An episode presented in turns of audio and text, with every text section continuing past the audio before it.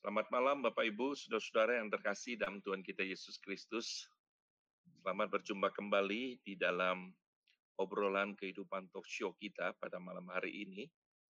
Saudara-saudara kita bersyukur dari sejak masa pandemik, sejak bulan Maret sampai saat ini bulan Oktober, setiap Rabu kita diberikan kesempatan oleh Tuhan untuk boleh mendengarkan narasumber-narasumber yang luar biasa dipakai Tuhan untuk boleh mendiskusikan topik-topik yang sangat penting untuk membangun iman kerohanian kita.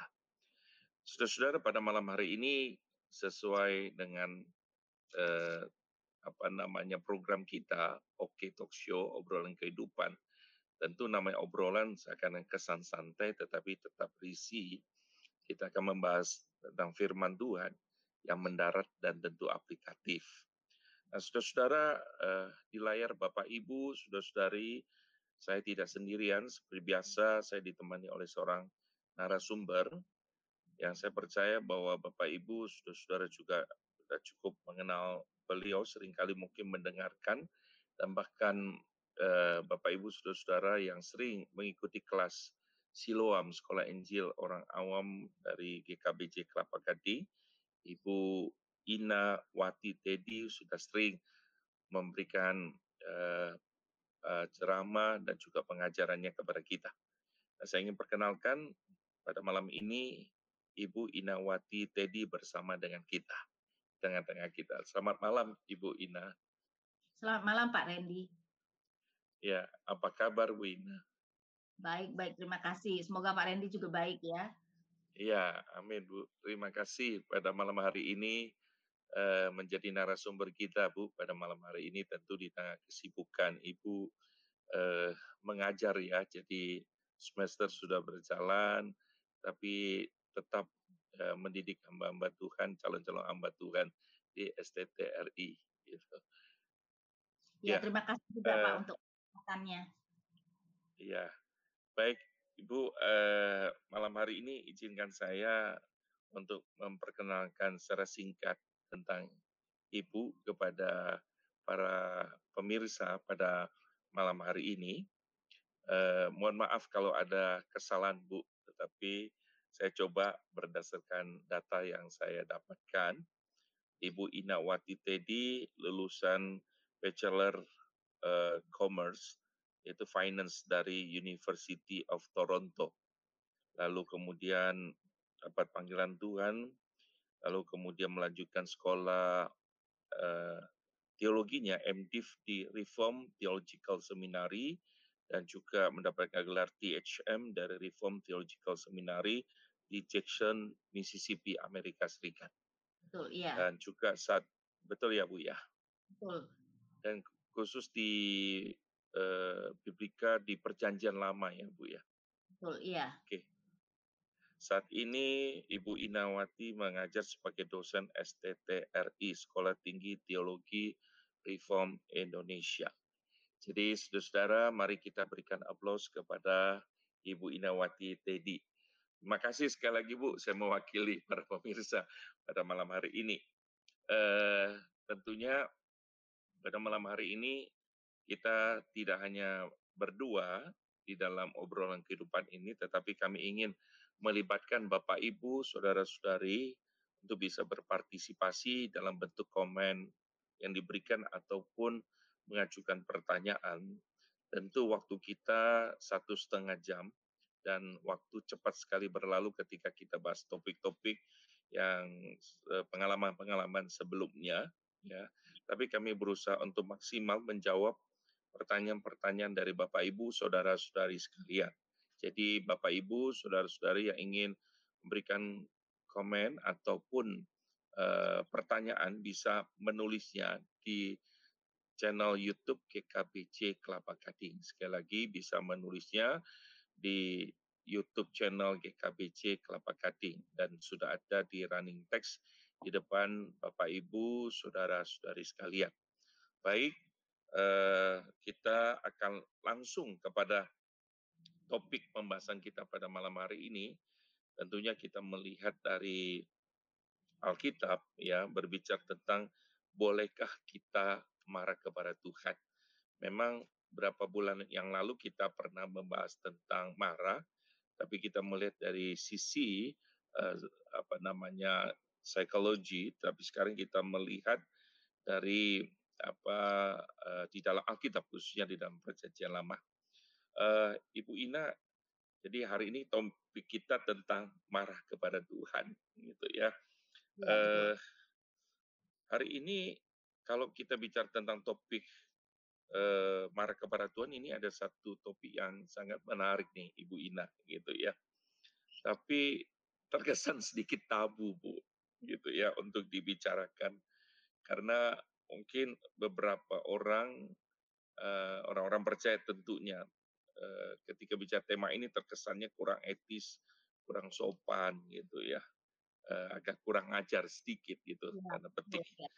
Nah, menurut Ibu mengapa topik marah kepada Tuhan ini terkesan sedikit tabu Bu untuk dibicarakan ya?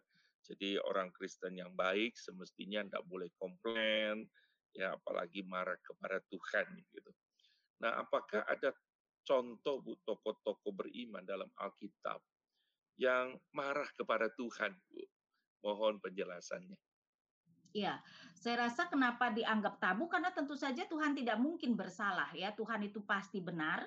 Karena itu dianggap okay. kalau kita pada Tuhan ya berarti pasti kitanya yang salah ya karena itu kenapa ini kemudian menganggap ya pasti kita melakukan kesalahan dong masa marah pada Tuhan ya di mana Tuhan itu yeah, yeah. kasihan dan seterusnya.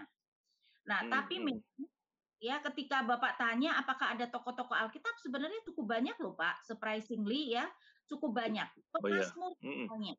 ya. Dan saya okay. berikan ya, Daud yeah. di dalam Mazmur 13 Daud dalam mm -hmm. uh, Mazmur 13 saya bacakan saja dua ayat. Berapa iya, lama ya, lagi Tuhan kau lupakan aku terus-menerus?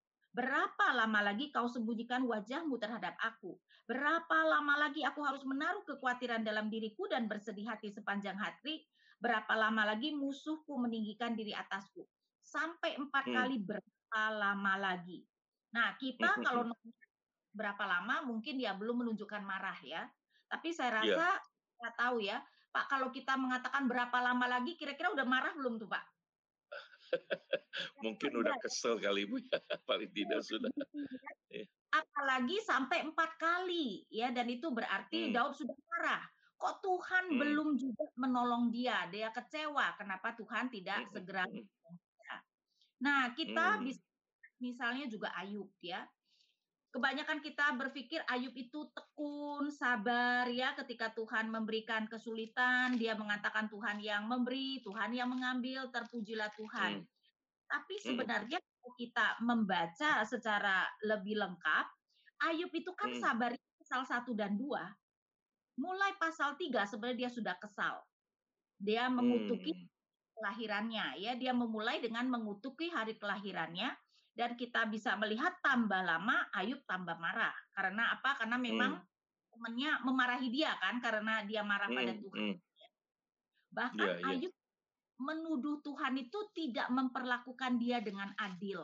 Ya, jadi kalau saya bacakan Ayub 27 ayat 2 misalnya, demi Allah yang hidup yang tidak memberikan keadilan kepadaku dan demi yang Maha Kuasa yang memedihkan hatiku.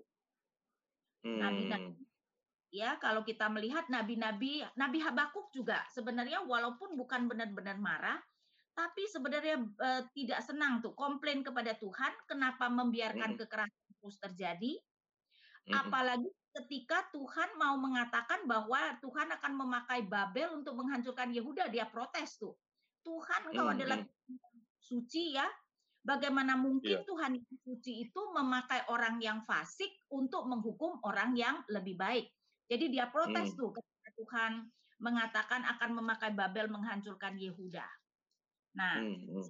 bacakan juga Musa misalnya ya. Musa hmm. hmm. protes pada Tuhan, tapi protesnya juga menunjukkan marahnya, bahkan perkataannya keras. Karena itu saya bacakan misalnya bilangan 11 dari ayat 11, lalu berkatalah Musa kepada Tuhan, mengapa kau perlakukan hambamu ini dengan buruk, dan mengapa aku tidak mendapat kasih karunia di matamu, sehingga engkau membebankan kepada aku tanggung jawab atas seluruh bangsa ini. Saya lompat ke hmm. ayat 14.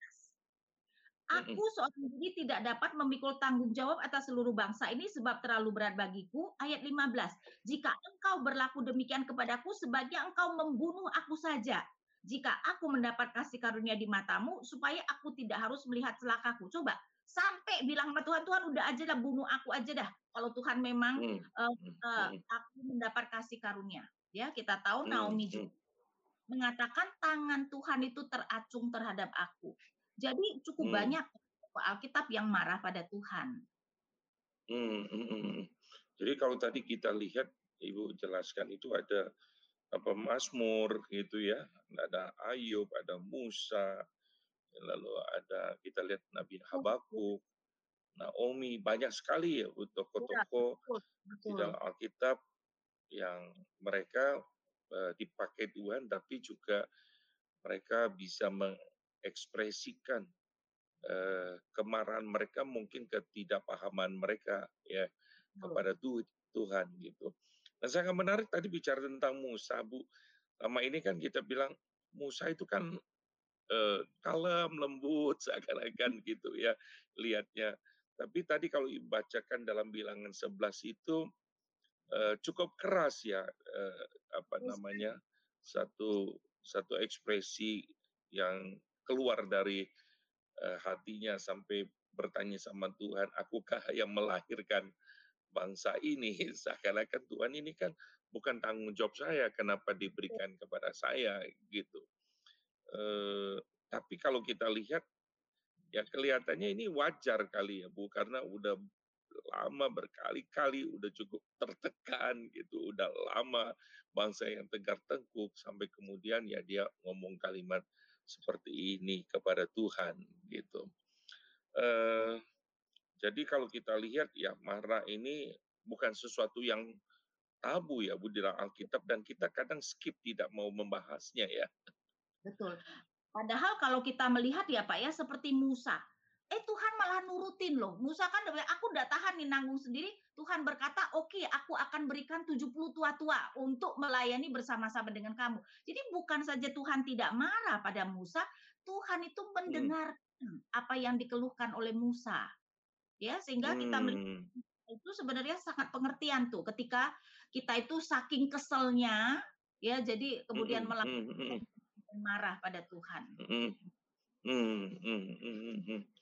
Ya, Bu ketika kita lihat nih para tokoh-tokoh uh, beriman juga para tokoh-tokoh Alkitab ini mereka marah kepada Tuhan. Sebenarnya apa sih yang mendrive atau yang mendorong seseorang itu marah kepada Tuhan, Bu? Saya rasa memang berbagai alasan ya. Kalau Habakuk mm -mm. dia tidak mengerti cara kerja Tuhan, kok bisa sih Tuhan seperti itu?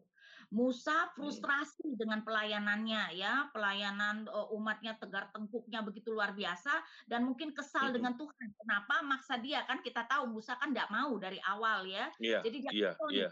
dipaksa Tuhan sekarang dikasih jemaat yang tegar tengkuk kayak seperti itu kan. Jadi dia marah pada hmm. Tuhan. Daud marah karena Tuhan kok tidak juga menolong dia. Karena itu berapa lama lagi Tuhan ya. Jadi hmm, marah karena Tuhan tidak segera menjawab. Naomi marah karena dia melihat bahwa Tuhan yang menjadi penyebab dari kematian suami dan anak-anaknya. Dan itu adalah karena hmm. ya dengan tokoh-tokoh Alkitab kan menganggap Tuhan itu maha kuasa. Tentu saja hmm. tidak satu hal pun yang akan terjadi kalau tidak diizinkan Tuhan. Seizin Tuhan, iya. Kalau ya suami dan anak-anaknya mati, kita tidak tahu kenapa mati, mungkin karena sakit, tetap itu karena Tuhan yang mengizinkan. Jadi dia hmm. marah tuh hmm. ketika Tuhan itu iya. kok uh, dan mengatakan tangan Tuhan teracung terhadap aku. Ayub tentu saja hmm. juga dia tidak tahan dengan penderitaannya. Ya, dia sudah sakit, kita tidak tahu berapa lama, dan dia sudah tidak tahan dengan rasa sakitnya, ya, dan akhirnya marah pada Tuhan. Jadi saya dan hmm. merasa dilakukan dengan tidak adil. Jadi ya bisa bermacam-macam karena kita sangat menderita, nggak tahan lagi, karena merasa mm -hmm. Tuhan lakukan dengan tidak adil, kata kuncinya merasakan ya. Saya tentu mm -hmm. saja Tuhan tidak pernah memperlakukan kita dengan tidak adil. Tapi masalahnya mm. kita kadang merasa Tuhan memperlakukan kita dengan tidak adil. Dan ketika kita mm. merasa memperlakukan kita tidak adil ya kita marah dong kemudian kepada Tuhan. Mm. Mhm. Kadang-kadang ya Mhm. karena kita nggak mengerti cara kerja Tuhan dan kemudian, eee, komplainlah kalau Habakuk lebih ke arah mengeluh kepada Tuhan, "Kok Tuhan begitu sih?" Ya. Jadi Mhm memang mhm. berbeda-beda membuat orang bisa marah pada Tuhan. Mhm, jadi ada banyak penyebab ya, Bu, Benar. konteksnya, tapi artinya dalam memahami rencana Tuhan, memahami apa yang Tuhan mau, mungkin tidak sesuai dengan hatinya, maka dia jadi marah begitu. Betul betul. Kalau Yunus juga ya kan, Bu, ya, dia marah sama Tuhan Hmm. kar karena bahkan orang bertobat itu. Betul, karena kan dia kan mau Niniwe dihancurkan, jadi ketika Tuhan memberikan kesempatan kepada Niniwe selamat, malah dia marah karena kalau Niniwe selamat berarti kan, eee, kerajaan Israel dalam bahaya kan dan kita tahu berapa puluh tahun kemudian Asyur menghancurkan kerajaan Israel. Yunus kan melayani di kerajaan Israel ya. Jadi dia mhm. marah karena dia maunya Niniwe jangan, eee, diselamatkan, Niniwe itu Tuhan hancurkan. Ya jadi memang konteks Mmm. Yunus beda lagi tuh kenapa marah sama Tuhan. Mungkin kalau Yunus Mmm, mhm. gitu loh, Pak, orang yang jahatin kita kan kita maunya Tuhan hukum, nggak taunya Tuhan Mhm selamat kesel dong kita ya. Yunus marahnya Iya. karena itu. Mmm, malah kemudian orang yang diselamatin habis itu ganggu kita lagi gitu maksudnya, Bu, ya, Betul, iya akhirnya. jengkel sama Tuhan, iya. Eee, iya iya, betul. Jadi kadang, eee, banyak faktor ya, Bu, yang men-drive seseorang itu marah kepada Tuhan, gitu ya. Memang ketika mereka, eee, ingin memahami Tuhan dalam, eee, perspektif, eee, keterbatas pada manusia itu memang akhirnya mengakibatkan sulit untuk mengerti jalan-jalannya Tuhan, seperti itu yang terjadi, gitu. Bet ada nggak, Bu, kira-kira ciri-ciri khusus di dalam Alkitab, tokoh-tokoh Alkitab yang sedang marah kepada Tuhan, apa sih ciri-cirinya gitu? Misalnya kalau Yunus itu langsung kan tadi kalau kita lihat di Alkitab, satunya langsung maunya, eee, frustasi maunya mati gitu. Mhm mhm. Kalau kalau seperti El Elia gitu, ingin mati, Musa, lalu Yunus kan lebih baik, ya udah aku mati saja gitu, kira-kira seperti itu. Soalnya kelihatan ya betul, Pak, itu adalah salah satunya karena kan memang tahu nggak bisa melawan Tuhan. Mereka kan adalah tokoh-tokoh yang doktrinnya sangat baik dong, mereka tahu Allah itu Mhm. maha kuasa ya. Jadi ngelawan. Tuhan, marah pada Tuhan ya bisa apa, ya paling minta mati gitu kan ya, akhirnya jadi itu yang ter yang bisa mereka ka kayak Ayub juga mengutuk hari kelahirannya artinya apa? Artinya Tuhan lebih baik aku ndak pernah lahir, ya. Yeremia juga Mmm. Di kelahirannya. Jadi kelihatannya betul tuh, Pak, sudah saking marahnya, tahu nggak bisa lawan Tuhan, "Ya Tuhan udah aku mati ajalah." Ya nggak kan, karena kan nggak bisa ngelawan Mhm. Tuhan. Jadi kelihatannya mhm.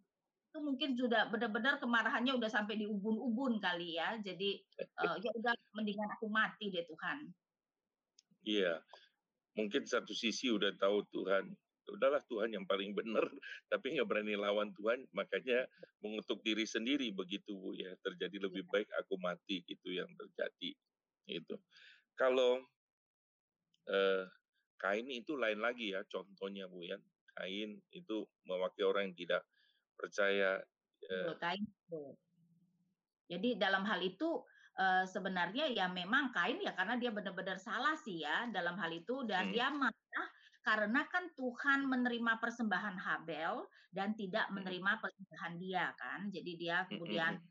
marah dan membunuh Habel dan kemudian ya dia, eee, jadi dalam arti marah pada Tuhan karena menganggap Tuhan kok kemudian menghukum dia, ya itu sebenarnya Kain sangat tidak fair lah ya.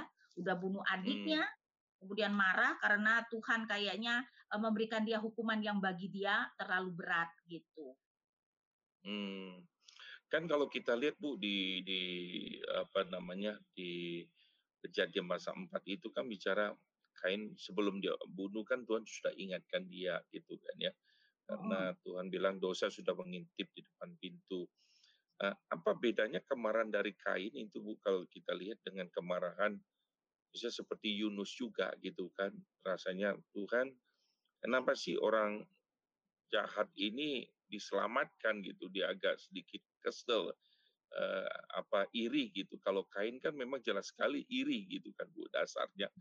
Uh, marah kok kenapa mentang-mentang uh, Habel diterima persembahannya saya tidak gitu dasarnya gitu. Uh, kan banyak sekali bisa terjadi kan orang salah paham gitu. Kenapa persembahan Habel diterima Kain tidak gitu? Karena Tuhannya lebih suka misalnya persembahan ya. korban dari binatang itu kan sebenarnya bukan seperti itu yang terjadi gitu. Nah, dasar letak perbedaannya di mana Bu kemarahan Kain dengan dengan Yunus misalnya? Kalau saya bilang kemarahan Kain ya karena memang dia iri hati ya, iri hati cemburu lah. Kenapa Tuhan kayaknya kok lebih menerima persembahan? Eh, Habel tidak melihat bahwa dia kan cuma mempersembahkan sebagian ya, dia tidak seperti Habel mempersembahkan yang sulung dan yang terbaik, tapi Kain cuma mempersembahkan. Hmm. Tapi kalau Yunus sebenarnya kalau saya bisa mengerti tuh kenapa Yunus marah. Kenapa Yunus tidak mau orang Niniwe itu uh, kemudian tidak dihukum Tuhan karena kan As, uh, Asyur pada waktu itu itu kan sudah menjajah atau sudah berkuasa atas kerajaan Israel, kerajaan utara ya. Jadi kerajaan utara hmm, itu hmm. survive dengan membayar upeti. Nah, saya tidak yeah. tahu deh, tahu nggak nanti Asyur yang akan menghancurkan Israel. Kemungkinan hmm. dia tahu dia adalah nabi Tuhan. Jadi kita bisa bayangkan jiwa patriotiknya dia tentu saja lebih menginginkan Asyur yang hancur daripada Israel yang hancur kan Pak. Ya, mm -hmm. jadi saya sebenarnya uh, rada bisa mengerti tuh kenapa Yunus marah pada Tuhan karena dia cinta bangsanya dan karena jiwa patriot dia. Jadi kok Tuhan mm. bukan kemudian menghukum bangsa yang jahat itu kan malahan menyelamatkan mm. dan betul kan sebenarnya nanti Asyur yang Tuhan pakai untuk menghancurkan uh, Israel walaupun itu masih hmm. cukup itu tinggal berapa puluh tahun loh. Kira-kira mungkin cuma tinggal 50 tahun kemudian Asyur hmm. kemudian menghancurkan kerajaan utara. Hmm. Iya. Jadi kalau kita lihat memang uh, Kain itu memang udah bersalah tapi kemudian masih galak gitu istilah sekarang gitu ya Bu ya. kalau uh, apa namanya Yunus itu memang kalau kita lihat ya dalam pergumulan dia jiwa patriotiknya dia hmm. ya uh -huh. seorang nabi itu yang terjadi gitu ya ya itu sangat menarik sekali bu itu perbedaan yang memberikan sebuah uh, perbedaan yang tajam kalau kita lihat uh, ini bu saya ingin mengutip sedikit pernyataan ini saya tak ambilkan bu uh, dari uh, John Piper gitu ya uh -huh. uh, dia tuliskan begini bahwa anger at sin is good. Dia bilang kayak waktu di dalam Markus pasal 3 ayat 5 itu contoh gitu ya yang Tuhan itu uh, marah ya. But anger at goodness ya dia bilang is sin. That hmm. is why it is never right to be angry with God. He is always and only good. No matter how strange and painful his way with us. Lalu kemudian dia lanjutkan. Dia bilang anger toward God signify that he is bad or weak seperti Bapak katakan or cruel or foolish. None of those is true and all of them dishonor him. Therefore, it is never right to be angry at God. Jadi dia bilang, jadi sebenarnya uh, tidak uh, is never right. Jadi uh, tidak pernah benar kalau kemudian kita marah kepada Tuhan nih, uh, menurut John Piper gitu. Nah, bagaimana pendapat Ibu mengenai pernyataan John Piper ini? Baik. Pak, kalau saya bilang secara teologi betul, tidak benar dong kita marah pada Tuhan kan? Tuhan itu tidak pernah berbuat salah. Berarti kalau kita okay. marah pada Tuhan, kitanya yang berbuat salah. Tapi hmm. di satu Tuhan kita itu penuh pengertian kepada kita umat yang memang lemah.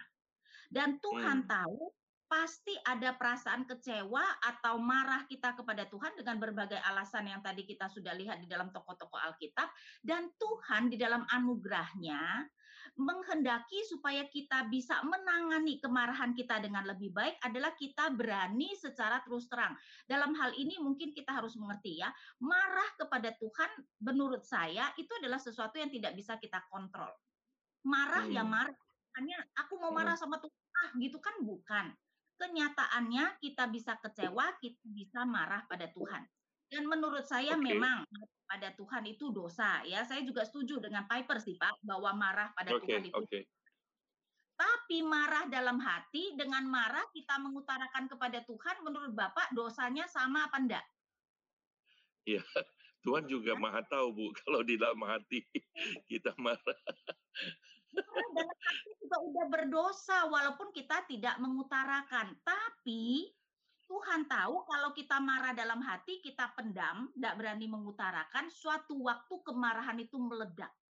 Kemarahan itu akan menjadi semakin besar dan itu berbahaya. Berbahaya eh, bagaimana relasi kita dengan Tuhan. Mungkin ketika meledak benar-benar kita tinggalkan Tuhan tuh, saking udah marahnya. Hmm, Karena itu hmm. Tuhan memberikan kita sarana supaya kita bisa mengatasi kemarahan kita dengan lebih baik. Yaitu apa? Berani curhat kepada Tuhan tentang kekecewaan hmm. kita, kemarahan kita. Nah, itu hmm. yang sengaja Tuhan tunjukkan bagaimana pemazmur kalau marah sama Tuhan mereka berani mengutarakannya. Bagaimana nabi-nabi ketika marah pada hmm. Tuhan mereka terus terang kepada Tuhan. Karena apa?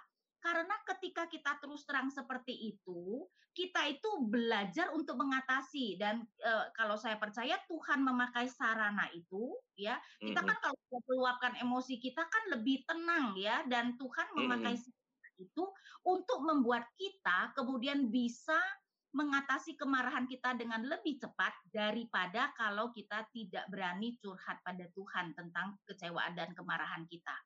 Karena itu kenapa hmm memberikan contoh-contoh dalam Alkitab menunjukkan hmm. betul itu salah, tapi anakku aku mengerti. Karena itu kalau hmm. kita kan tentang Ayub ya Pak ya, Ayub yeah, bukannya yeah. dan bu, Tuhan bukannya tidak menegur. Tuhan ketika berbicara hmm. kepada Ayub mengatakan siapa ini orang yang berbicara tanpa pengetahuan. Jadi Ayub hmm. ketika mengatakan Tuhan tidak adil jelas salah, ya dia berbicara hmm. tanpa tapi menarik Tuhan murkanya pada teman-teman Ayub. Padahal hmm, teman-teman hmm. Ayub yang dilakukan teman-teman Ayub kan bela Tuhan tuh. Mereka marah pada Ayub yeah. karena Ayub marah pada Tuhan. Tapi yeah. Tuhan marah pada Ayub bahkan menegur bahwa teman-teman Ayub tidak melakukan yang benar seperti Ayub. Kan itu aneh banget tuh, Pak. Tapi dari yeah, sana yeah. ya pakai bahasa Tuhan sendiri deh ya. Saya bacakan Ayub 42 Ayub 42 ayat 7. Setelah Tuhan mengucapkan firman itu kepada Ayub, maka firman Tuhan kepada Elifas orang Teman, murkaku menyala terhadap engkau dan terhadap kedua sahabatmu, karena kamu tidak berkata benar tentang aku seperti hambaku Ayub. Aneh kan? Padahal mereka loh yang mati-matian membela Tuhan. Ayub yang menyalahkan Tuhan, mempertanyakan Tuhan kenapa dia menderita seperti itu, tapi Tuhan mengatakan Ayub berkata lebih benar daripada teman-teman Ayub. Berarti apa? Tuhan oke okay ketika kita menunjukkan kekecewaan kita dan marah kita kepada Tuhan. Betul sekali lagi itu adalah dosa, tapi Tuhan kita yang penuh anugerah tahu kita membutuhkan ya. Kita hmm. perlu bisa mengutarakan kekecewaan kita karena itu adalah sarana untuk menyembuhkan dengan lebih baik. Karena itu Tuhan hmm. oke dan bahkan memberikan contoh-contoh supaya kita bisa kemudian berani untuk curhat kepada Tuhan tentang kekecewaan dan kemarahan kita. Kan itu kenapa hmm. Alkitab banyak contoh seperti itu dan yang sangat menarik adalah ketika umatnya marah kepada Tuhan, Tuhan itu tidak marah kepada mereka. Ya, hmm. ketika marah dalam arti curhat, curhat ya, menunjukkan yeah, iya. kekecewaan yeah. dan kemarahan mereka kepada Tuhan, Tuhan malahan tidak marah. Saya rasa itu seperti orang tua ya. Coba kalau kita analogikan ya. Kalau kita punya anak dan kita tahu anak kita sedang marah pada Tuhan, kita hmm. lebih ingin anak kita berterus terang bahwa dia sedang eh, marah pada kita maksud saya ya. Kita lebih ingin anak kita terus terang, "Pak, aku marah loh sama papa karena hmm. ini." Hmm. Atau kita memendam kemarahannya. Saya Hmm. kita lebih ingin Ingin anak kita berani ngomong dengan kita, "Pak, aku tuh kesel dengan papa karena ini ini." Nah, Tuhan adalah Mmm. Bapa yang baik kan. Jadi kalau Mmm. ada anaknya marah pada dia, dia lebih ingin kita berani berterus terang tap daripada memendam dan Mmm pura-pura mmm. marah pada Tuhan. Ya Lebih jadi baik maksudnya Tuhan ingin jujur gitu ya, Bu, ya, dari kita gitu ya, kejujuran itu sendiri. Eee, bahkan mungkin dari situ ketika kita jujur ngomong seperti ilustrasi Ibu katakan, seorang anak kepada orang tuanya, di situ mungkin kesempatan orang tua kita bisa menjelaskan kenapa begini begitu, Betul, betul eee, sekali. apa yang dilakukan. Karena memang dalam keterbatasan memahami apa yang sebenarnya dilakukan oleh orang tua, apalagi kita ya dengan Allah Mmm. yang kita sangat terbatas, Tuhan yang tidak terbatas. Iya, sangat, eee, menarik sekali jadi bicara tentang, eee, Tuhan ingin kita jujur, jujur Mhm. apa adanya gitu ya. Betul. dan itu sebenarnya menolong kita Ibu bilang tadi ya, ketika kita sudah berani jujur, kita ngomong, sebenarnya membuat kita lebih menjadi apa adanya dan kita bisa lebih paham dan lebih tidak memendam, malah jadi masalah begitu ya, Bu, ya, yang Iya, terjadi luka. Eee, saya tidak tahu, Bu, ini sedikit agak agak terlintas barusan gitu waktu bica eee, dengar penjelasan Ibu. Eee, Musa itu kalau kita lihat, saya nggak tahu kan memang, ya ada yang mengatakan Musa itu cukup sabar dan bahkan saya nggak tahu, Bu, kalau saya jadi Musa mungkin saya lebih parah dari Musa gitu ya. Mhm. Udah udah kasar seperti begitu. Nah, apakah sampai kemudian Musa marah yang terakhir Tuhan akhirnya tidak izinkan dia masuk ke Kanaan, karena memang Musa juga berusaha untuk memendam, Bu, seperti itu. Apakah ada atau, eee, bahkan kan ketika Tuhan, eee, bilang, "Ya udah, eee, dimusnahkan aja mereka," gitu ya.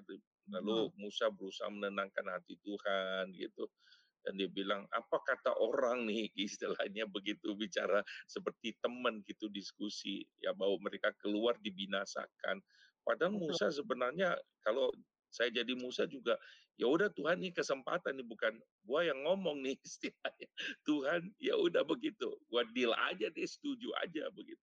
Tapi lembut banget sampai kemudian dia minta, "Tuhan tolong," seperti itu. Apa karena memang Musa berusaha mendam sampai terakhir dia marah, pukul seperti begitu, atau bukan, Bu, seperti itu kemarahan Musa itu? Kalau saya bilang ya saking sudah tidak tahannya kali ya, Pak, ya. Umat Israel kan bebalnya luar biasa tuh, dari awal keluar udah tuh kata-katanya sinis banget kan, Pak. "Apakah tidak ada Mhm. kuburan di Mesir sehingga kau bawa kami mati untuk eee, untuk kau bawa kami untuk mati di Mmm. padang gurun?" Kurang Mmm. ajar banget tuh, saya kalau punya jemaat Mhm. kayak gitu juga ya nggak tahan. Iya. M Jadi mati saya rasa hadap ya menghadap kuali penuh daging lebih baik daripada begitu ya ngomongnya. Itu akhirnya saya rasa memang nggak tahan sih, Pak. Saya rasa siapa pun nggak tahan kali ya punya jemaat seperti, eee, Israel generasi pertama yang tegar tengkuknya itu begitu luar biasa. Ya Mmm, jadi mhm mhm. saking frustrasinya dia kemudian marah dan kemudian memukul batu karang ketika dia seharusnya cuma disuruh Tuhan berbicara kepada batu karang tersebut ya. Jadi kalau saya bilang sih mhm. Tahan. Nah, dalam hal ini ya, Pak, ya, Yeremia juga. Mmm. Jadi saya Iya. tunjuk, Yeremia bahkan mengatakan Tuhan itu sungai yang curang. Saya rasa saking frustrasi. Jadi memang saudara Mmm, ya, kadang-kadang mhm. kalau kita begitu frustrasi dengan kehidupan kita, dengan pelayanan kita ya, coba saya bacakan Yeremia lima eee, 15 Oke. ayat 18. Yeremia 15 ayat 18, "Mengapakah penderitaanku tidak berkesudahan dan lukaku sangat payah sukar disembuhkan? Sungguh engkau seperti sungai yang curang bagiku, air yang tidak dapat dipercayai." Nah, saya bayangkan Mmm. kok sampai Yeremia mengatakan Tuhan, eee, seperti sungai yang curang, mungkin itu adalah cara Yeremia mengatakan, "Tuhan, kalau dari awal nih Tuhan ketika memanggil aku, kasih tahu nih pelayananku begitu susah, aku nggak bakalan mau tuh Tuhan." Ya. Jadi merasa ditipu kali ya, "Kok Tuhan dari awal Oke. ngomong sih pelayanan itu akan begitu sulitnya?" Tapi yang Mmm. selalu saya terharu itu adalah jawaban Tuhan. Betul Mmm. Tuhan menyindir Yeremia bertobat, karena itu saya bacakan ayat 19. Karena itu beginilah jawab Tuhan, jika engkau mau kembali, aku akan mengembalikan engkau menjadi pelayan di hadapanku. Dan jika hmm. engkau mengucapkan apa yang berharga dan tidak hina, maka engkau akan hmm. menjadi penyambung lidah bagiku, biarpun mereka akan kembali kepadamu, namun engkau tidak perlu kembali kepada mereka. Betul Tuhan hmm. menegur karena memang keterlaluan lah ya, mengatakan hmm. Tuhan itu yang curang kan, keterlaluan banget. Hmm. Tapi hmm. Tuhan cuma menyuruh dia bertobat dan Tuhan mengatakan kalau kamu bertobat, aku tetap akan memakai kamu aku akan mengembalikan kau menjadi pelayan di hadapanku. Dan bagi saya itu artinya Tuhan mengerti kenapa Yeremia itu sampai mengeluarkan kata-kata yang sangat tidak pantas itu. Itu adalah karena hmm. dia tidak dengan penderitaannya dan Tuhan mengerti. Betul Yeremia harus bertobat, tapi Tuhan mengerti dan tetap mau memakai Yeremia. Saya rasa ya Pak ya, hmm. ya kalau saya anak buah yeah. yang ngomong dia curang, saya eh, saya hmm. berhentiin. Mah enggak, eh, saya memakai. Gila ngomong saya curang begitu kan padahal saya tidak curang. Tuhan itu eh. panjang uh. luar biasa terhadap hamba-hambanya. Dan berarti hmm. Tuhan berarti kalau kita itu marah karena kita tidak tahan dengan penderitaan kita. Hmm. Hmm. Hmm. Itu adalah jeritan orang yang sedang minta tolong. Bukan dalam hmm. arti sebenarnya benar-benar dia kurang ajar sama Tuhan. Bukan, itu adalah jeritan orang yang eh, kesakitan dan Tuhan mengerti sekali. Ya karena itu kenapa Tuhan itu tidak marah, cuman menyuruh Yeremia bertobat dan Tuhan akan memakai dia lagi. Hmm. hmm, hmm. Jadi kalau kita lihat tadi Bu, kalau misalnya jelas ya seperti Ibu juga setuju dengan John Piper bahwa ya kalau kita lihat angry ya itu pasti itu adalah dosa ya seperti dikatakan never right to be angry at God gitu yang yang pernah benar kalau kita marah kepada Tuhan. Tapi Tuhan memberikan ruang begitu kan Bu. Tuhan mengerti, memahami dalam uh, perjalanan iman kita, struggle kita kepada Tuhan seperti begitu. Nah, ada nggak Bu misalnya boundariesnya, batasannya? Sebenarnya oke, okay, ini uh, marah masih wajar, ini masih dalam koridor istilahnya seperti begitu masih diperbolehkan curhat seperti ini. Tapi yang ini tidak boleh artinya ada sebuah batasan. Misalnya eh, kalau ibu kasih contoh Yeremia itu kan marah tapi marah tidak boleh menghina maksudnya seperti begitu pribadi Tuhan gitu ya. Jadi he is itu Tuhan itu adalah betul-betul Tuhan yang suci gitu seperti saya tidak tahu Bu apakah memang tepat ilustrasi. Ya kalau mau demo mau sama uh, presiden boleh saja tetapi tidak boleh menghina karena presiden itu kepala negara kepala pemerintahan dia lambang gitu ya. Apalagi Tuhan gitu tidak boleh menghina. apakah ya. seperti begitu boundariesnya atau misal ada hal-hal apa saja yang supaya kita bisa paham? Oh ketika kita curang kita ngomong nggak boleh nih ini ini nggak boleh lewat nih ini kita udah nggak bener nih gitu. Seperti Yeremia uh, ngomong Tuhan kau sungai yang curang atau kemudian Tuhan uh, licik ya seperti begitu. Saya nggak tahu bisa maaf misalnya apakah seperti itu saya rasa betul. Ketika kita berkata salah tentang Tuhan, itu sebenarnya tidak benar ya. Karena itu mengenai Yeremia mengatakan sungai yang curang, Tuhan menyuruh dia bertobat. Ketika Ayub, saya rasa kenapa Tuhan mengatakan Ayub mengatakan sesuatu tanpa pengetahuan adalah karena Ayub juga menuduh uh, Tuhan sudah memperlakukan dia dengan tidak adil. Karena itu Tuhan mengatakan Ayub berkata tanpa pengetahuan. Jadi ketika kita mengatakan uh, tentang Tuhan yang tidak sesuai dengan siapa Tuhan, tentu saja itu tidak seharusnya ya. Jadi sebenarnya hmm. itu seharusnya mengutarakan kesedihan kita Tuhan uh, aku kecewa nih kenapa kok aku berseru kepada Tuhan Tuhan tidak menolong Habakuk hmm. misalnya Tuhan kenapa sih engkau yang maha suci membiarkan misalnya hmm. orang yang lebih fasik menelan orang yang lebih benar ya jadi sebenarnya kalau kita perhatikan marah pun juga perkataan kita harus sopan saudara ya hmm. Yunus misalnya marah pada Tuhan tapi kan dia memuji Tuhan dulu loh sebelum marah. Coba saya tunjukkan ya. Hmm. Jadi kalau hmm. saya tunjukkan pasal 4 dari ayat 1, tetapi hal itu sangat mengesalkan hati Yunus, lalu marahlah ia dan berdoalah ia kepada Tuhan. Jadi dalam marah itu dia berdoa. Katanya, "Ya Tuhan, Hmm. bukankah telah kukatakan itu ketika aku masih di negeriku? Itulah sebabnya maka aku dahulu melarikan diri ke Tarsis sebab aku tahu bahwa Engkaulah Allah yang pengasih dan penyayang, yang panjang sabar dan berlimpah kasih setia, serta yang menyesal karena malapetaka yang hendak didatangkannya." Jadi walaupun Hmm. dia marah, dia tuh tetap menyatakan karakter Tuhan seperti apa adanya dan dia mengatakannya dalam doa, cuman kemudian dia mengatakan ya tiga jadi sekarang ya Tuhan cabutlah kiranya nyawaku. Karena lebih baik aku mati daripada hidup kan tidak berkata kurang ajar kepada Tuhan. Ya jadi walaupun kita marah, Hmm. ya kata kita tetap harus sopan dong. Bagaimanapun dia juga adalah Tuhan. Jadi nabi-nabi Hmm. kalau sama Tuhan juga dalam doa marahnya Tuhan dan juga Mhm. memujikan dulu tuh sebelum marah. Ya, menarik ya, Hmm. sebelum komplain kepada Tuhan. Habakuk Hmm. misalnya ya saya tunjukkan ya jadi Mhm. eh, apa yang dikatakan oleh Habakuk ya. Jadi menarik juga tuh sebenarnya nabi-nabi ini ya. Jadi kalau bacakan Habakuk 1 ayat 12, bukankah engkau ya Tuhan dari dahulu Allahku yang maha kudus? Tidak akan mati kami. Ya Tuhan telah kau tetapkan dia untuk menghukum. Kan ya gunung batu telah kau tentukan dia yang menyiksa. Matamu terlalu suci untuk melihat kejahatan dan kau tidak dapat memandang kelaliman. Mengapa engkau memandangi orang-orang yang berbuat kianat itu dan kau berdiam diri apabila orang fasik menelan orang yang lebih benar dari Hmm. dia?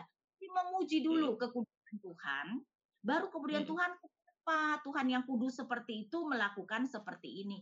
Jadi ya seharusnya kita mengeluh, kita kecewa ya tetap harus sopan dong. Sama seperti Mhm. kalau kita pun misalnya kesal dengan orang tua, dengan bos kita. Kan tetap Mhm. dong Mhm. kita berkata dengan sopan, bukan bos kamu kok kurang ajar banget sih begitu-begitu kan nggak mungkin bisa dipecat tuh kita kalau begitu ya. Mhm. Mhm. Jadi Mhm. "Ah, kenapa sih ini ini ini kan memberikan alasan. Jadi tapi berkata Mhm. dengan eh, berkata dengan sopan misalnya. Kalau menurut saya ya seharusnya begitu ya.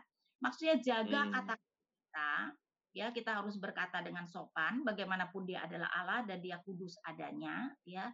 Dan tentu saja jangan kemudian mengatakan yang tidak sesuai dengan karakter Tuhan. Itu kan namanya meremehkan Tuhan kalau begitu. Hmm. Jadi memang apa namanya kita boleh datang kepada Tuhan, jadi mengungkapkan perasaan kita kepada Tuhan, tetapi tetap menjaga eh, natur Tuhan, sifat Tuhan yang kudus gitu ya Bu ya. Jadi tidak boleh kurang ajar, katakan Ya, Tuhan yang tidak tepat seperti begitu. Jadi lebih kepada memang eh, waktu kita pun mungkin tidak puas, itu berarti eh, letak permasalahannya adalah pada kita bukan pada Tuhan gitu ya Bu ya. betul, betul. Jadi maksudnya memang kita yang belum bisa memahaminya, lalu kemudian Tuhan pun memberikan ruang itu kepada kita kalau kita lihat di dalam perjanjian lama begitu ya Bu. Ya, Eh, kalau di perjanjian baru Bu, karena Ibu memang di perjanjian lama, di perjanjian baru, apakah ada Bu kira-kira eh, tokoh-tokoh yang memang Sama Tuhan ya. mereka, iya Iya. mereka ungkapkan eh, umulan mereka kepada Tuhan gitu. Kayaknya nggak ada deh. Soalnya perjanjian baru kan lebih bicara tentang para rasul ya. Ada nggak ya Mm-mm. rasul eh, Rasul Paulus kok kayaknya nggak ada tuh Pak. Mm, mm-mm. Karena Kayaknya sih Paulus itu 13 surat lebih banyak gitu ya Bu, ya, yang menulis kalau kita lihat. belak-belakan ya, dia berani marah pada Petrus gitu kan ya. Tapi Iya, kayaknya iya. ya enggak tuh dia ya mungkin ya juga karena menunjukkan dia itu sudah sangat dewasa secara rohani ya dan mungkin juga dia sangat bersedia menerima penderitaan padahal Paulus yang rasul yang paling menderita kali ya dicambuk entah berapa Mm, kali mm. Iya, iya, iya. kali begitu tapi kayaknya dia memang dari ini mungkin menunjukkan tingkat kerohaniannya yang sangat luar biasa ya tapi juga Iya. kalau saya bilang ya mungkin karena dia Tapi dulu menganiaya gereja Tuhan tuh. Kayaknya dia tuh melihat ini benar-benar anugerah tuh kalau Tuhan itu sekarang memakai dia eh, untuk mm, melayani Tuhan ya. Ya tapi iya. memang kayaknya nggak ada deh Pak. Iya, tapi tidak ada hubungannya kan Bu, misalnya tentang kedewasaan rohani seseorang dengan, wah dia tidak, eee, curhat kepada Tuhan, dia tidak ungkapkan perasaannya kepada Tuhan, enggak Maksud saya enggak enggak berjalan ya. Kede kedewasaan rohani dalam arti mengerti bahwa Tuhan itu sebenarnya apa yang kita terima itu pantas, jadi tidak merasa diperlakukan tidak adil. Ya jadi Mmm, mungkin mhm. dalam hal itu. Kalau soal mengeluh karena tidak mengerti cara Tuhan seperti Habakuk misalnya ya, dan itu kan jelas bukan soal ketidakdewasaan rohani ya, tapi cuman soal memang kan Alkitab mengatakan, Tuhan berkata, "Jalanku bukan jalanmu." Sehingga pasti ada Mmm. hal-hal yang kita lakukan yang tidak bisa kita, eee, mengerti ya, sehingga, eee, di satu pihak ada ada hubungannya karena biasanya kita marah kalau soal pribadi karena merasa Tuhan memperlakukan kita dengan tidak adil. Dan itu Mmm. ada kedewasaan rohani, karena kalau orang yang benar-benar sudah dewasa rohani tahu tidak mungkin Tuhan tidak memperlakukan kita dengan tidak adil ya. Tapi Mmm, ju mhm. eee, dalam arti kalau saya bilang Paulus memang luar biasa sih ketika Tuhan tidak mencabut duri dalam dagingnya juga kayaknya dia dia nggak mengeluh sih ya, Kak, ya. Dia tidak mengeluh tuh, tidak Mmm, memberikan mhm. kan ya. Mhm, iya iya, eee, tapi kita nggak tahu yang dia berdoa 3 kali untuk, Tapi supaya dia disembuhkan itu. mungkin ada keselnya juga kali ya. Iya, saya nggak tahu Bu, maksudnya udah 3 kali, tapi akhirnya dia bilang Tuhan bilang, "Cukuplah kasih karuniaku kepadamu," ya, "justru dalam kelemahanmu lah kuasaku menjadi sempurna." Saya tahu mungkin ini proses waktu ya ketika dia me mengalami saya pikir tidak sekali itu doanya, tidak pada hari itu 3 kali, tapi Mmm. mungkin doa enggak, terus doa lagi, enggak enggak tahu berapa lama, cuman Alkitab tidak menulis seperti itu. Tapi Iya. ya mungkin mungkin, eee, ya Ibu ngomong tadi di dalam struggle dia, kemudian akhirnya dia tahu bahwa pasti Tuhan yang benar, eee, dalam pergumulan dia, seperti itu. Padahal kita bayangkan, eee, dia sembuhkan orang luar biasa kan, mukjizat gitu, eee, bisa bangkitkan orang mati gitu, orang, eee, apa namanya, sapu tangan dan lain sebagainya, tapi kemudian dia nggak bisa, itu penyakit yang dia minta tolong disembuhkan, itu 3 kali dia sudah minta kepada Tuhan, gitu. Betul. Kalau pikir-pikir pasti ada kecewanya ya, Pak, ya, sebagai manusia seharusnya pasti ada sih kecewanya ya, cuman ya kita mungkin juga karena kita tidak diceritakan ya, kita nggak tahu sih. Tapi kalau menurut Mmm. saya, wajar sekali karena itu kenapa tokoh-tokoh Alkitab yang rohaninya juga sangat baik ya, tapi kan Mhm. bagaimanapun baiknya rohani kita kan kita tidak sempurna, karena itu kenapa tokoh-tokoh Iya Alkitab iya. Daud yang begitu dekat dengan Tuhan pun juga kan bisa kecewa Iya. dan ya Tuhan. Mhm, betul sekali Bu, jadi ya kalau kita bisa kuat ini adalah anugerah Tuhan ya Bu, bisa melewati semuanya ini. Jadi, eee, ini sedikit Bu kita singgung, eee, aplikatifnya, dan dalam masa pandemik ini tentu ada juga mengalami sedikit quote and quote, mungkin ada kemarahan atau kekecewaan, mungkin orang yang dicintai segera dipanggil atau ada yang kena Covid, itu yang terjadi gitu.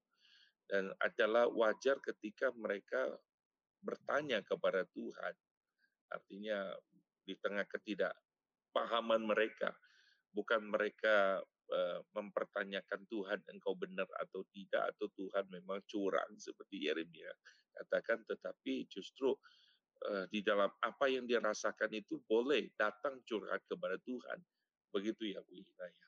Iya, betul Pasti ya. sekali betul sekali ya.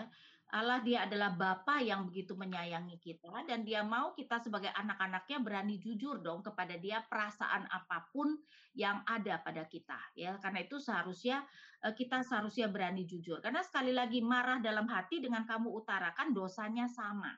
Dengan diutarakan bukan Mmm. berarti bertambah banyak, dosanya toh sama, tapi kemungkinan kita kemudian bisa mengatasi kemarahan kita, itu lebih besar ketika kita berani mengutarakan. Berarti kan kita berani facing it ya, kita berani Iya. menangani kemarahan kita, daripada kita Iya. pendam, daripada kita pura-pura, "Oh enggak, aku enggak marah sama Tuhan," kan, itu malah berbahaya sekali. Mhm mhm mhm. Tahu bilang, "Aku oke," ta padahal sebenarnya tidak ya Bu, dalam Betul. kondisinya ya.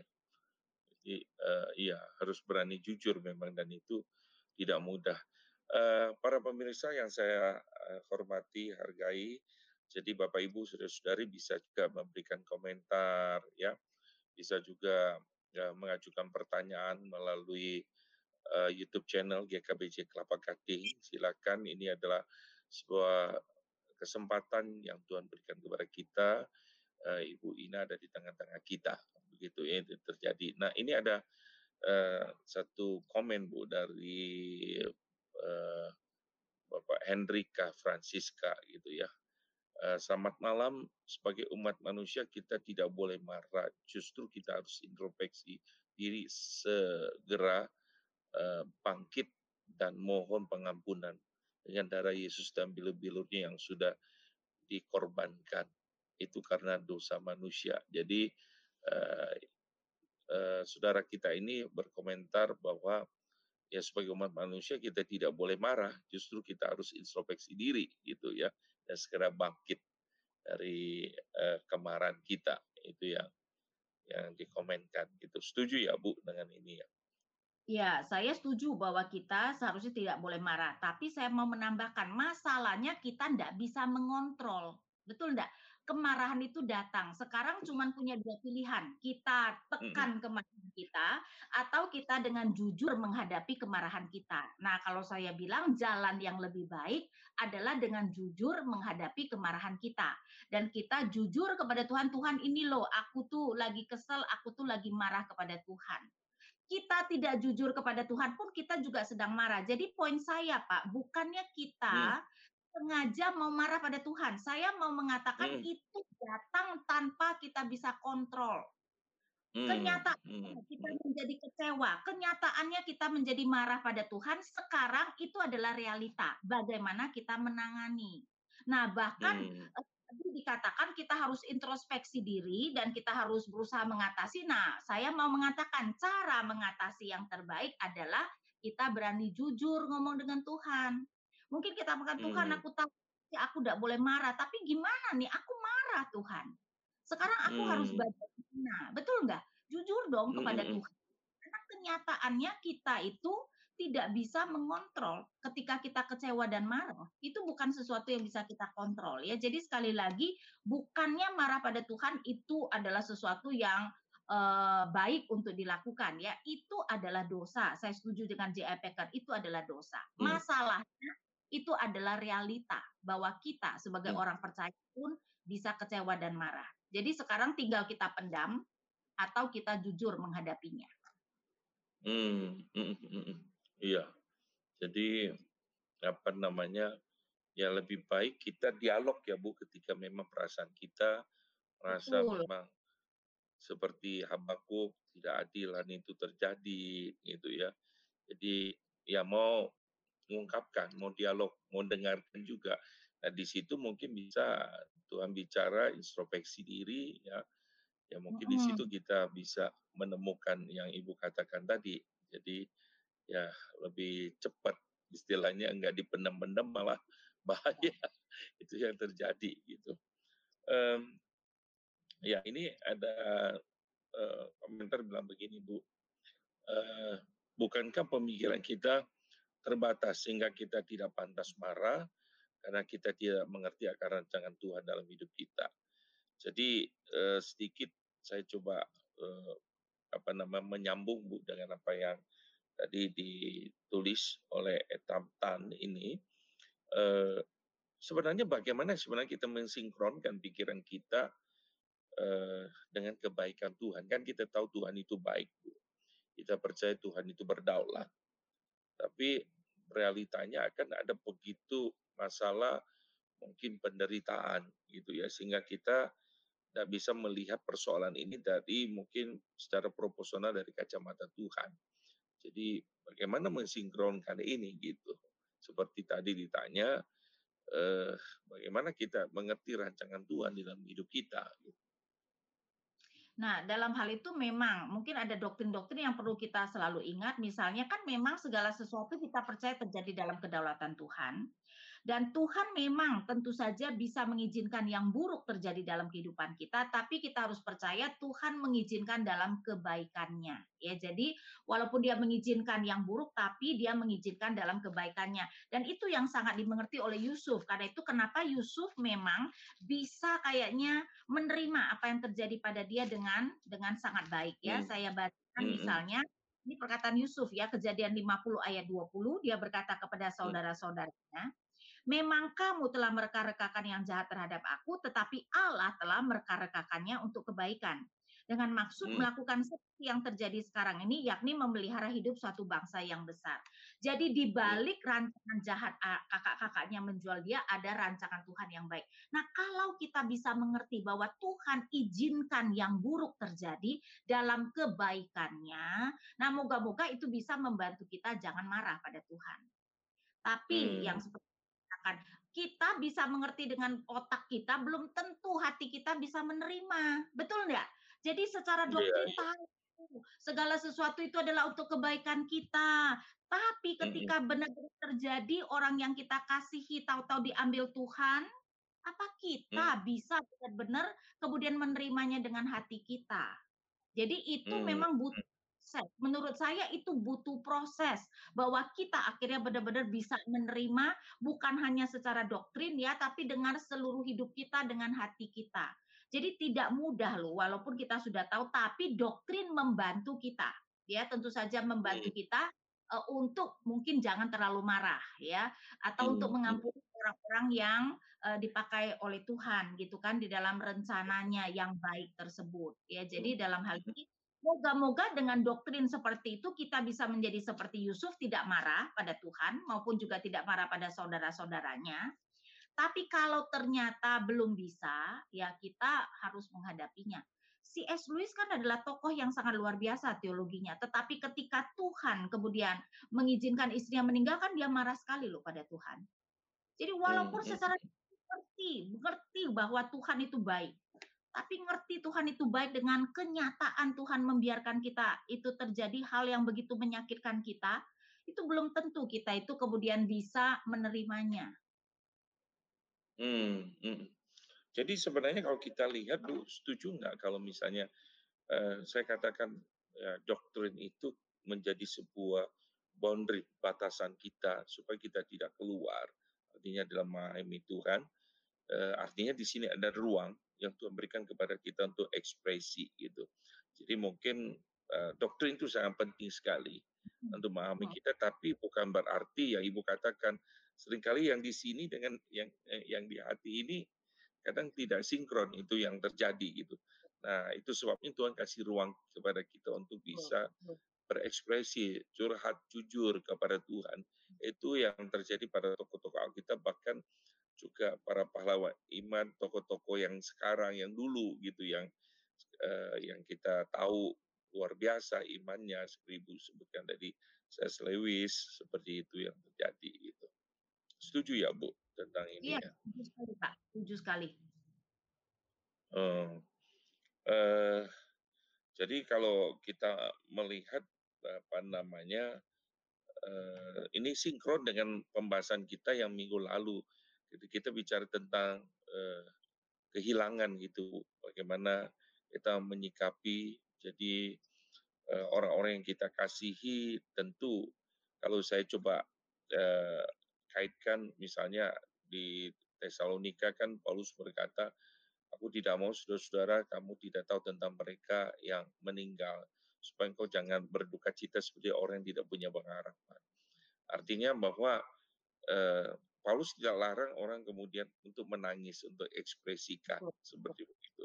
Tetapi tidak boleh ekspresi kita seperti orang yang tidak punya pengharapan. Ekspresi Jadi, kita seperti orang yang tidak, ya begitu ya. Jadi, Bagaimana Bu?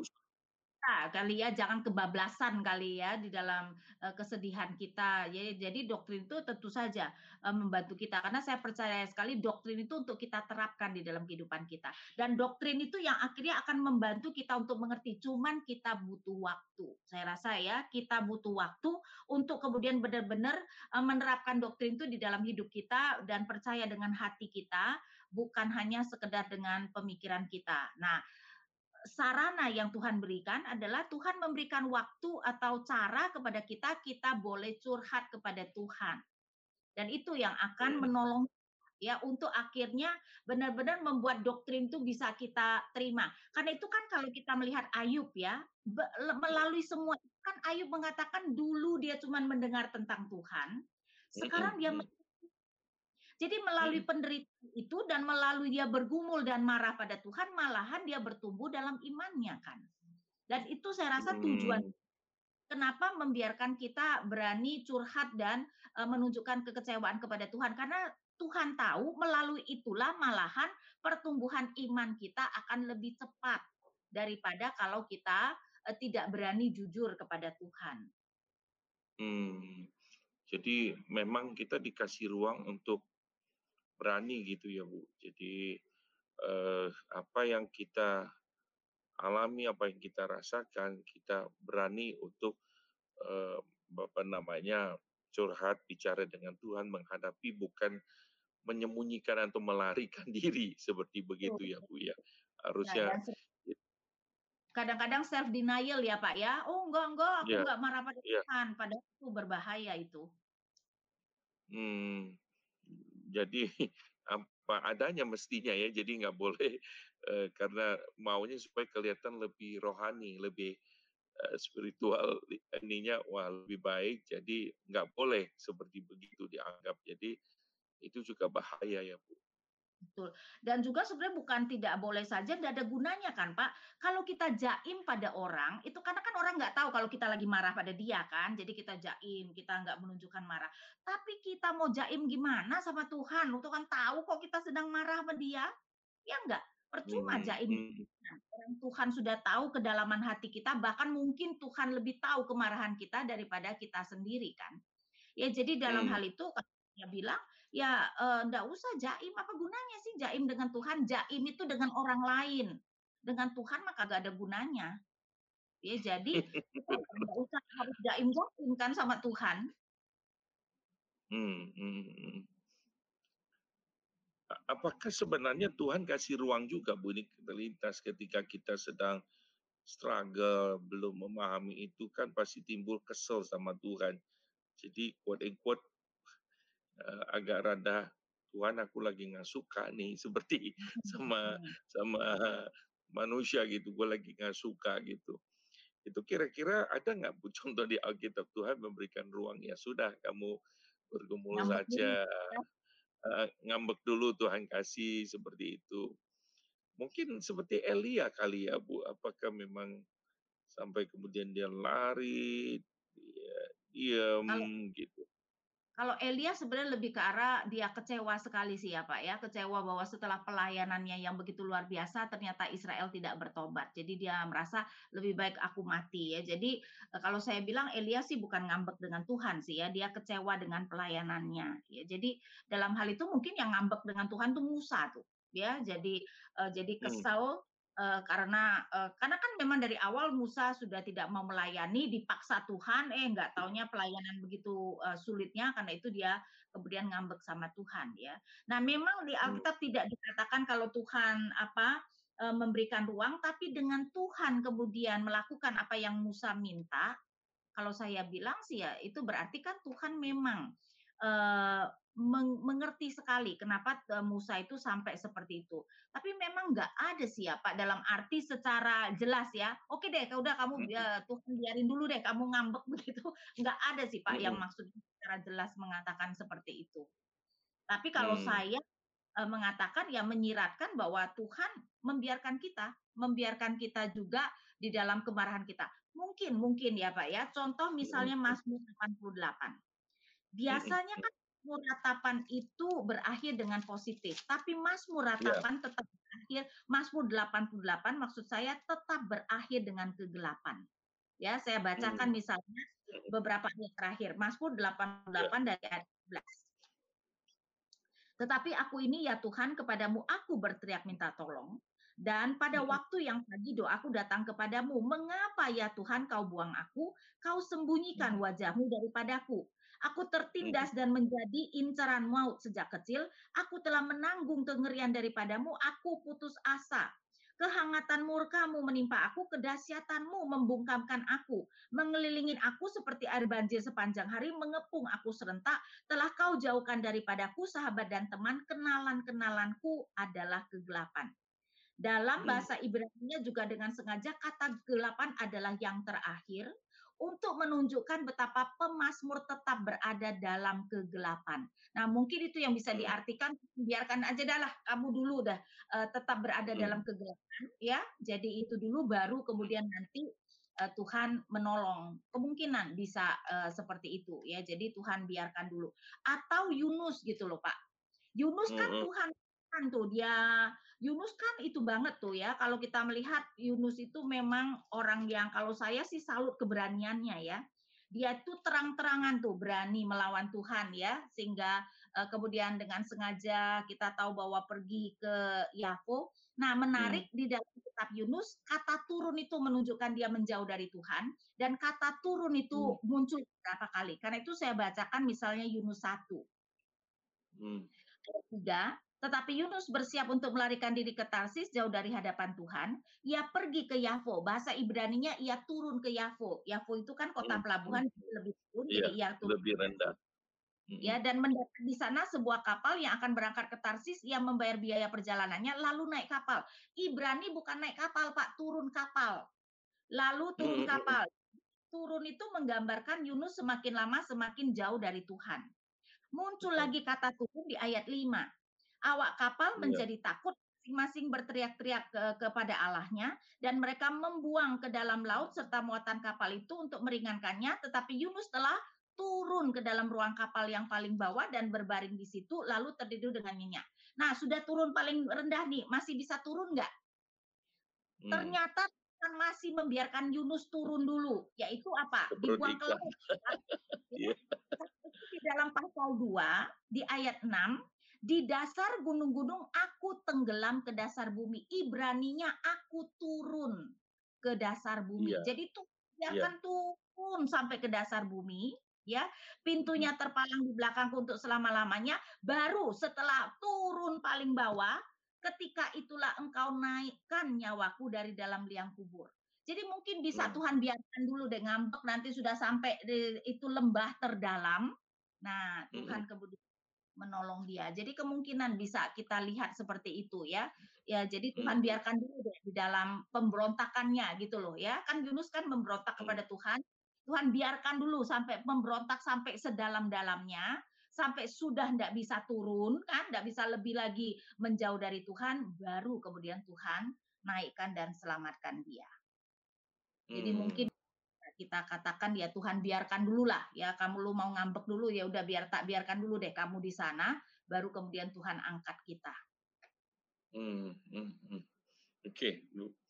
uh, ini ada sedikit apa namanya tanggapan komen yang tadi saya tulis tentang John Piper bu ini ada kutipan ini um, saya tidak tahu tapi ini kutipan ini bilang waktu kita menyembunyikan kemarahan kita hiding our anger from uh, and all uh, knowing God instead of dia bilang just honestly confessing it only makes matters worse worse yeah. dia bilang gitu jadi semakin itu because then our hypocrisy karena memang kemunafikan kita and deceive will ya hendak kita yang mungkin menipu build up bitterness menghasilkan kepahitan instead of resulting in repentance surrender and ultimately worship dia bilang. Jadi hmm.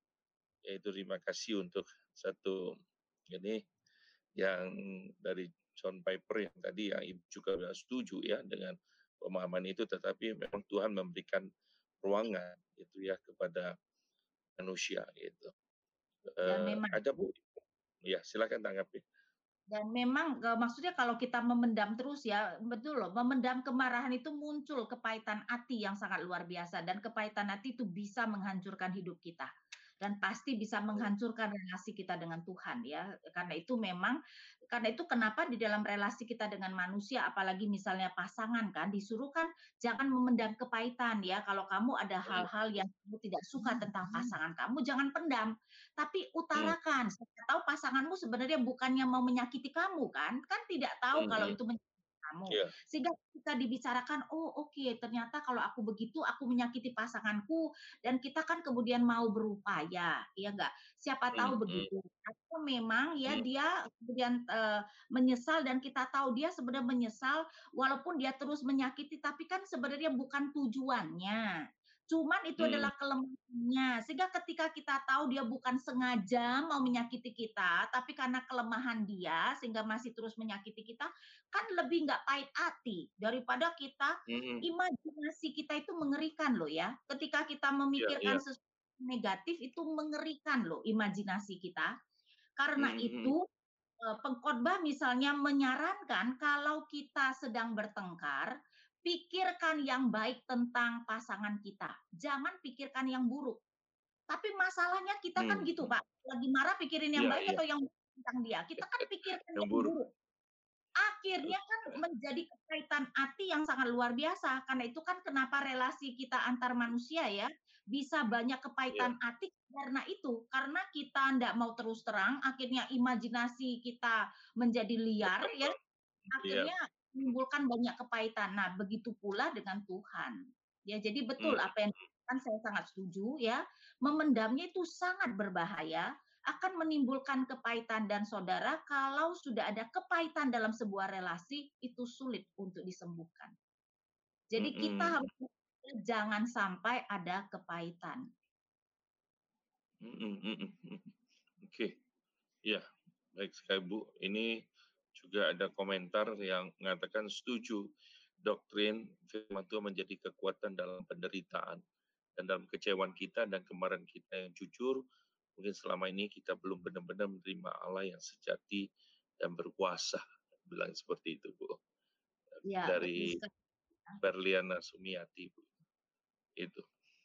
Uh, ini Bu uh, saya ingin coba uh, kita lanjutkan sedikit karena waktu kita tinggal sekitar paling eh, 10 12 menit lagi setelah itu kita akan buat kesimpulan dan eh, menutup mungkin rekan-rekan masih ada waktu silakan bisa mengajukan pertanyaan atau komen ya sebelum nanti kita sampai kepada nanti pembacaan uh, rangkuman kira-kira yang kita akan simpulkan.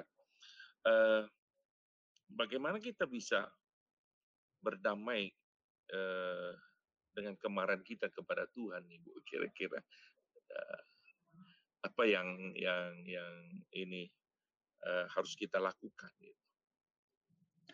Saya rasa kemudian kita memang harus memakai otak kita kali ya supaya otak kita yang agak mengontrol emosi kita ya karena itu hmm. memang hmm. kemudian kita mulai pikir Tuhan kan baik betul Tuhan memberikan hal-hal yang buruk, tapi kan Dia memberikan dalam kebaikan, ya. Dan kalau kita benar-benar percaya Tuhan walaupun memberikan yang sangat menyakitkan kita, tapi memberikan dalam kebaikan, saya rasa kita itu lebih bisa kemudian uh, tidak marah kepada kita.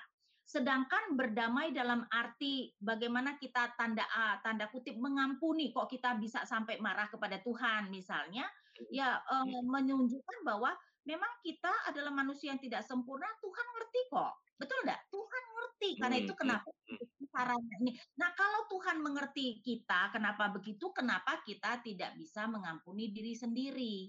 Ya, jadi hmm. memang belajar mengampuni diri kita, belajar melihat bahwa kita manusia terbatas dan karena itu kenapa kita bisa marah pada Tuhan, itu juga adalah hal yang perlu kita lakukan. Ya, jadi hmm. dalam hal ini ini adalah sesuatu yang wajar orang nabi-nabi aja bisa marah sama Tuhan siapa kita sehingga kita uh, tidak mungkin marah pada Tuhan tapi uh, saya rasa yang paling penting adalah Tuhan mengerti dan hmm. dia tidak hmm. marah walaupun kita salah Tuhan tidak marah karena Tuhan hmm. tahu kita itu butuh ya kita membutuhkan untuk bisa uh, mencurhatkannya pada Tuhan jadi dia sebagai hmm. Bapak yang mengasihi sangat mengerti dan bahkan tidak marah jadi kenapa kita harus marah pada diri sendiri kalau begitu? Itu adalah memang bagian dari keterbatasan kita dan Tuhan mengerti. Saya rasa kuncinya itu ya.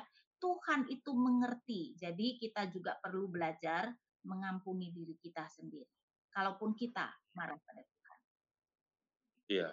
Jadi kalau boleh saya katakan ketika kita sudah misalnya curhat, lalu kemudian mungkin kita perasaan kita, kita rasa ada hal-hal yang tidak nyaman, tidak tepat menurut kita. setelah kita jujur sama Tuhan, kita juga berani mengakui bahwa kita bersalah gitu ya Bu, seperti Ayub gitu ya. Ya, dia mencabut kata-katanya, dia mengaku, dia tahu bahwa ya salah seperti uh, Asap juga ya Bu ya ketika dia bilang aku ini dungu seperti binatang ketika aku masuk ke dalam ruang Maha Kudusmu gitu. Jadi memang harus ada berani juga kejujuran tapi harus ada apa namanya keberanian juga untuk mengakui bahwa kita juga ternyata salah gitu ya dalam coba iya. berpikir yeah. seperti itu. Iya. Uh, kalau misalnya Bu bicara begini, ini sikap betul tidak ada pertanyaan dari Pak Joni ini. Kita kan nggak boleh marah dengan Tuhan. Kalau kita uh, bersikap cuek, dan memangnya gue pikirin sikap yang begini, benar nggak gitu maksudnya? Uh, boleh nggak seperti ini itu sikapnya? Nah, tergantung ya. Dalam cuek, dalam arti kita belajar untuk tidak marah pada Tuhan, berani menerima itu adalah sikap yang benar. Tapi ketika kita seharusnya marah, misalnya marah kepada ketidakadilan dan kita tidak marah, itu juga cuek yang tidak benar ya. Jadi sikap cuek itu sangat tergantung ya. Seharusnya kita cuek apa enggak. Jadi jadi ya sebenarnya sikap eh, cuek itu tergantung. Dan kalau kita bisa cuek, saya rasa itu bukan perkataan yang tepat kali ya. Lebih ke arah kalau iya. kalau kita kita gimana bisa cuek sih? Ya enggak kan enggak bisa orang kita yang menderita cuek itu kalau orang lain yang menderita kita cuek. Kalau kita yang menderita mungkin kata yang lebih tepat adalah kalau kita bisa menerima. Nah, itu adalah hmm. sikap yang kita percaya Tuhan itu memang berhak uh, melakukan. Nah, saya berikan contoh sangat luar biasa, Pak. Seorang petenis hitam sudah meninggal sih, Arthur Ashe namanya, ya. Dia itu kan uh, adalah petenis yang sangat terkenal dan suatu waktu dia kena AIDS bukan karena dia melakukan kehidupan lifestyle yang salah, tetapi dia kena AIDS tahun 80-an karena transfusi darah gara-gara operasi. Pada waktu itu kan hmm. uh, transfusi darah memang belum dicek untuk AIDS yeah, ya. Yeah, nah, yeah. fansnya kemudian menunjukkan marah pada Tuhan. Kok Tuhan begitu sih membiarkan dia uh, menderita AIDS? Dan dia mengatakan ungkapan-ungkapan yang sangat luar biasa. Dia mengatakan seperti ini ketika di dunia ini mungkin ada 50 juta anak yang mulai bermain tenis ya, tetapi mungkin 500 ribu yang kemudian mulai benar-benar lebih serius ya. 50 eh, ribu yang mengikuti turnamen di mana saja ya dan kemudian ada 500 yang uh, ikutin Grand Slam dan kemudian 50 iya. yang ikutin apa Wimbledon dan akhirnya empat dan akhirnya dua dan akhirnya aku menang Ketika hmm. aku menang, dia berkata, aku tidak pernah bertanya Tuhan why me? Kenapa aku hmm. yang menang? Jadi sekarang hmm. ketika aku mendapatkan AIDS, aku juga tidak akan bertanya kepada Tuhan why me. Saya rasa itu sangat hmm. berhikmat ya. Kita manusia hmm. itu sering fair sama Tuhan ya terima yang iya. benar, yeah. uh, udah pernah nanya, Tuhan kok aku sih diberi anugerah pinter seperti ini, diberikan keluarga yang begitu baik, diberikan jabatan yang begitu baik, gak pernah tuh nanya, seakan-akan kita pantas mendapatkan. Yeah. Begitu yeah. yang kita tidak suka sedikit, Tuhan why me? Nah memang kita juga berupaya lebih bisa menerima dong, karena kita tahu Tuhan itu adil dan Tuhan bukan cuma adil, penuh anugerah. Ya, jadi memang kita harus belajar untuk menerima yang baik maupun yang buruk dari Tuhan. Itu kan yang uh, Ayub juga katakan. Tapi kadang-kadang hmm. Ayub walaupun sudah ngomong begitu akhirnya nggak tahan kan. Kadang-kadang hmm. kita juga tidak tahan dan timbul kemarahan. Nah kalau hmm. sudah begitu yang bisa kita lakukan ya kita berterus terang kepada Tuhan, Tuhan, aku marah loh, aku kecewa. Kenapa sih Tuhan? Aku sudah berusaha hidup dengan benar, tapi yang terjadi malahan Eh, ke apa hmm. kesulitan itu bi Tuhan izinkan terjadi misalnya ya. Jadi ya. dalam hal itu full belajar menerima, tapi ketika ternyata kita tidak sanggup menerima dan kita marah, jalannya adalah curhat sama Tuhan. Hmm, oke. Okay.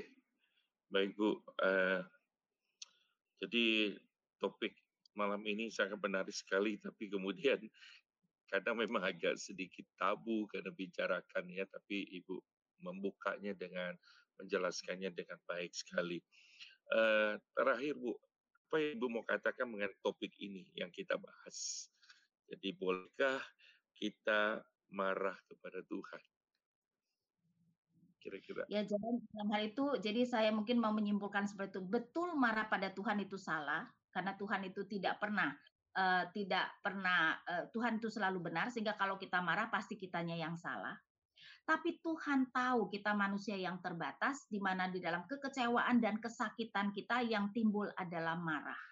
Dan ketika kita melihat Tuhan kok sepertinya tidak mau menolong dengan mudah kita bisa marah pada Tuhan. Nah, Tuhan hmm. kemudian memberikan sarana supaya kita bisa mengatasi kemarahan kita dengan lebih cepat dan dengan lebih baik, yaitu apa? Yaitu ayolah berani jujur kepada Tuhan ketika kita kecewa dan marah. Jangan pendam. Memendam menimbulkan kepahitan dan kepahitan sangat berbahaya untuk relasi kita dengan Tuhan. Curhat hmm. kepada tentang kemarahan dan kekecewaan kita, malahan membuat kita bisa mengatasinya dengan lebih baik. Itu adalah ruang yang Tuhan berikan, sarana yang Tuhan berikan, supaya kita bisa mengatasi kekecewaan kita dengan lebih baik. Karena itu kita iya. lakukan. Tapi ingat ya, bagaimanapun juga dia dengan Tuhan, dia adalah Tuhan. Jangan kurang ajar dengan kata-kata kita. Jangan hmm. kemudian me, apa uh, da, dalam arti mengatakan karakter Tuhan yang tidak benar seperti Yeremia Tuhan seperti sungai yang curang ya. Sehingga ada boundary-nya dong. Kita seperti kalau kita yeah. menunjukkan kekecewaan kita kepada orang tua kita kan kita juga dengan hati-hati dengan kata-kata yang sopan kemudian uh, menunjukkannya. Dan percayalah Tuhan kita sangat besar hatinya. Dia mengerti sekali kesakitan kita dan dia mengerti sekali karena dia adalah Bapa yang mengasihi kita dan dia dapat menerima kekecewaan kita dengan sangat besar hati. Ya, karena itu ini adalah jalan yang paling baik untuk kita supaya kita bisa mengatasi kekecewaan dan kemarahan kita dengan baik. Oke. Baik, terima kasih Ibu Ina pada malam hari ini. Uh, kita hampir di penghujung acara kita tentunya dan saya berusaha untuk coba apa yang kita bicarakan coba saya bacakan sedikit simpulan dari pada malam ini yang kita bicarakan. Uh, pertama topik bolehkah kita marah kepada Tuhan? Ini dianggap tabu karena banyak orang berpikir bahwa Tuhan tidak mungkin salah. Masih benar, yang salah adalah kita manusia. Nah, tetapi kemudian surprisingly ada banyak tokoh dalam Alkitab yang marah kepada Tuhan. Misalnya Daud di dalam Mazmur 13 tadi empat kali Ibu eh, katakan berapa lama lagi Ayub eh, bahkan eh, mulai dari pasal 3 dan seterusnya ya. Lalu kemudian Nabi Habakuk lalu kemudian di dalam eh, bilangan Musa dalam bilangan 11 ayat 11 lalu kemudian termasuk Naomi gitu ya. Ini tokoh-tokoh dalam Alkitab ada banyak alasan seseorang marah kepada Tuhan. Nah, Habakuk marah karena tidak mengerti cara kerjanya Tuhan. Musa marah karena frustasi dengan pelayanan yang Tuhan berikan. Daud marah karena Tuhan tidak kunjung menolong dirinya. Naomi itu marah karena dia melihat Tuhan menjadi penyebab kematian suami dan anak-anaknya. Ayub marah karena tidak tahan dengan penderitaan yang diizinkan Tuhan. Jadi inti sebenarnya adalah karena kita sering kali merasa Tuhan memperlakukan kita secara tidak adil. Secara teologis adalah tidak benar. Artinya bahwa dosa kita marah kepada Tuhan yang tidak mungkin salah. Tetapi di satu pihak, Tuhan itu penuh pengertian kepada kita yang penuh kelemahan. Dan Tuhan di dalam anugerahnya menghendaki supaya kita bisa menangani kemarahan kita dengan baik ya adalah dengan berani berterus terang ya berani curhat kepada Tuhan tentang kekecewaan dan kemarahan kita daripada disimpan di dalam hati. Karena Tuhan tahu kemarahan yang dipendam itu sesuatu hari kemarin itu akan meledak dan itu berbahaya. Dan yang menarik adalah ketika umat Tuhan menyatakan kekecewaan dan kemarahan kepada Tuhan, Tuhan tidak pernah marah ya dalam marah kepada Tuhan kita juga harus memperhatikan perkataan kita kita harus tetap sopan dan menghormati siapa Tuhan sesungguhnya. Kita perlu selalu ingat bahwa segala sesuatu yang terjadi di dalam hidup ini ada di dalam kedaulatan Tuhan. Di dalam kedaulatan Tuhan kita percaya walaupun Tuhan mengizinkan sesuatu yang buruk tapi itu semua terjadi di dalam kebaikannya.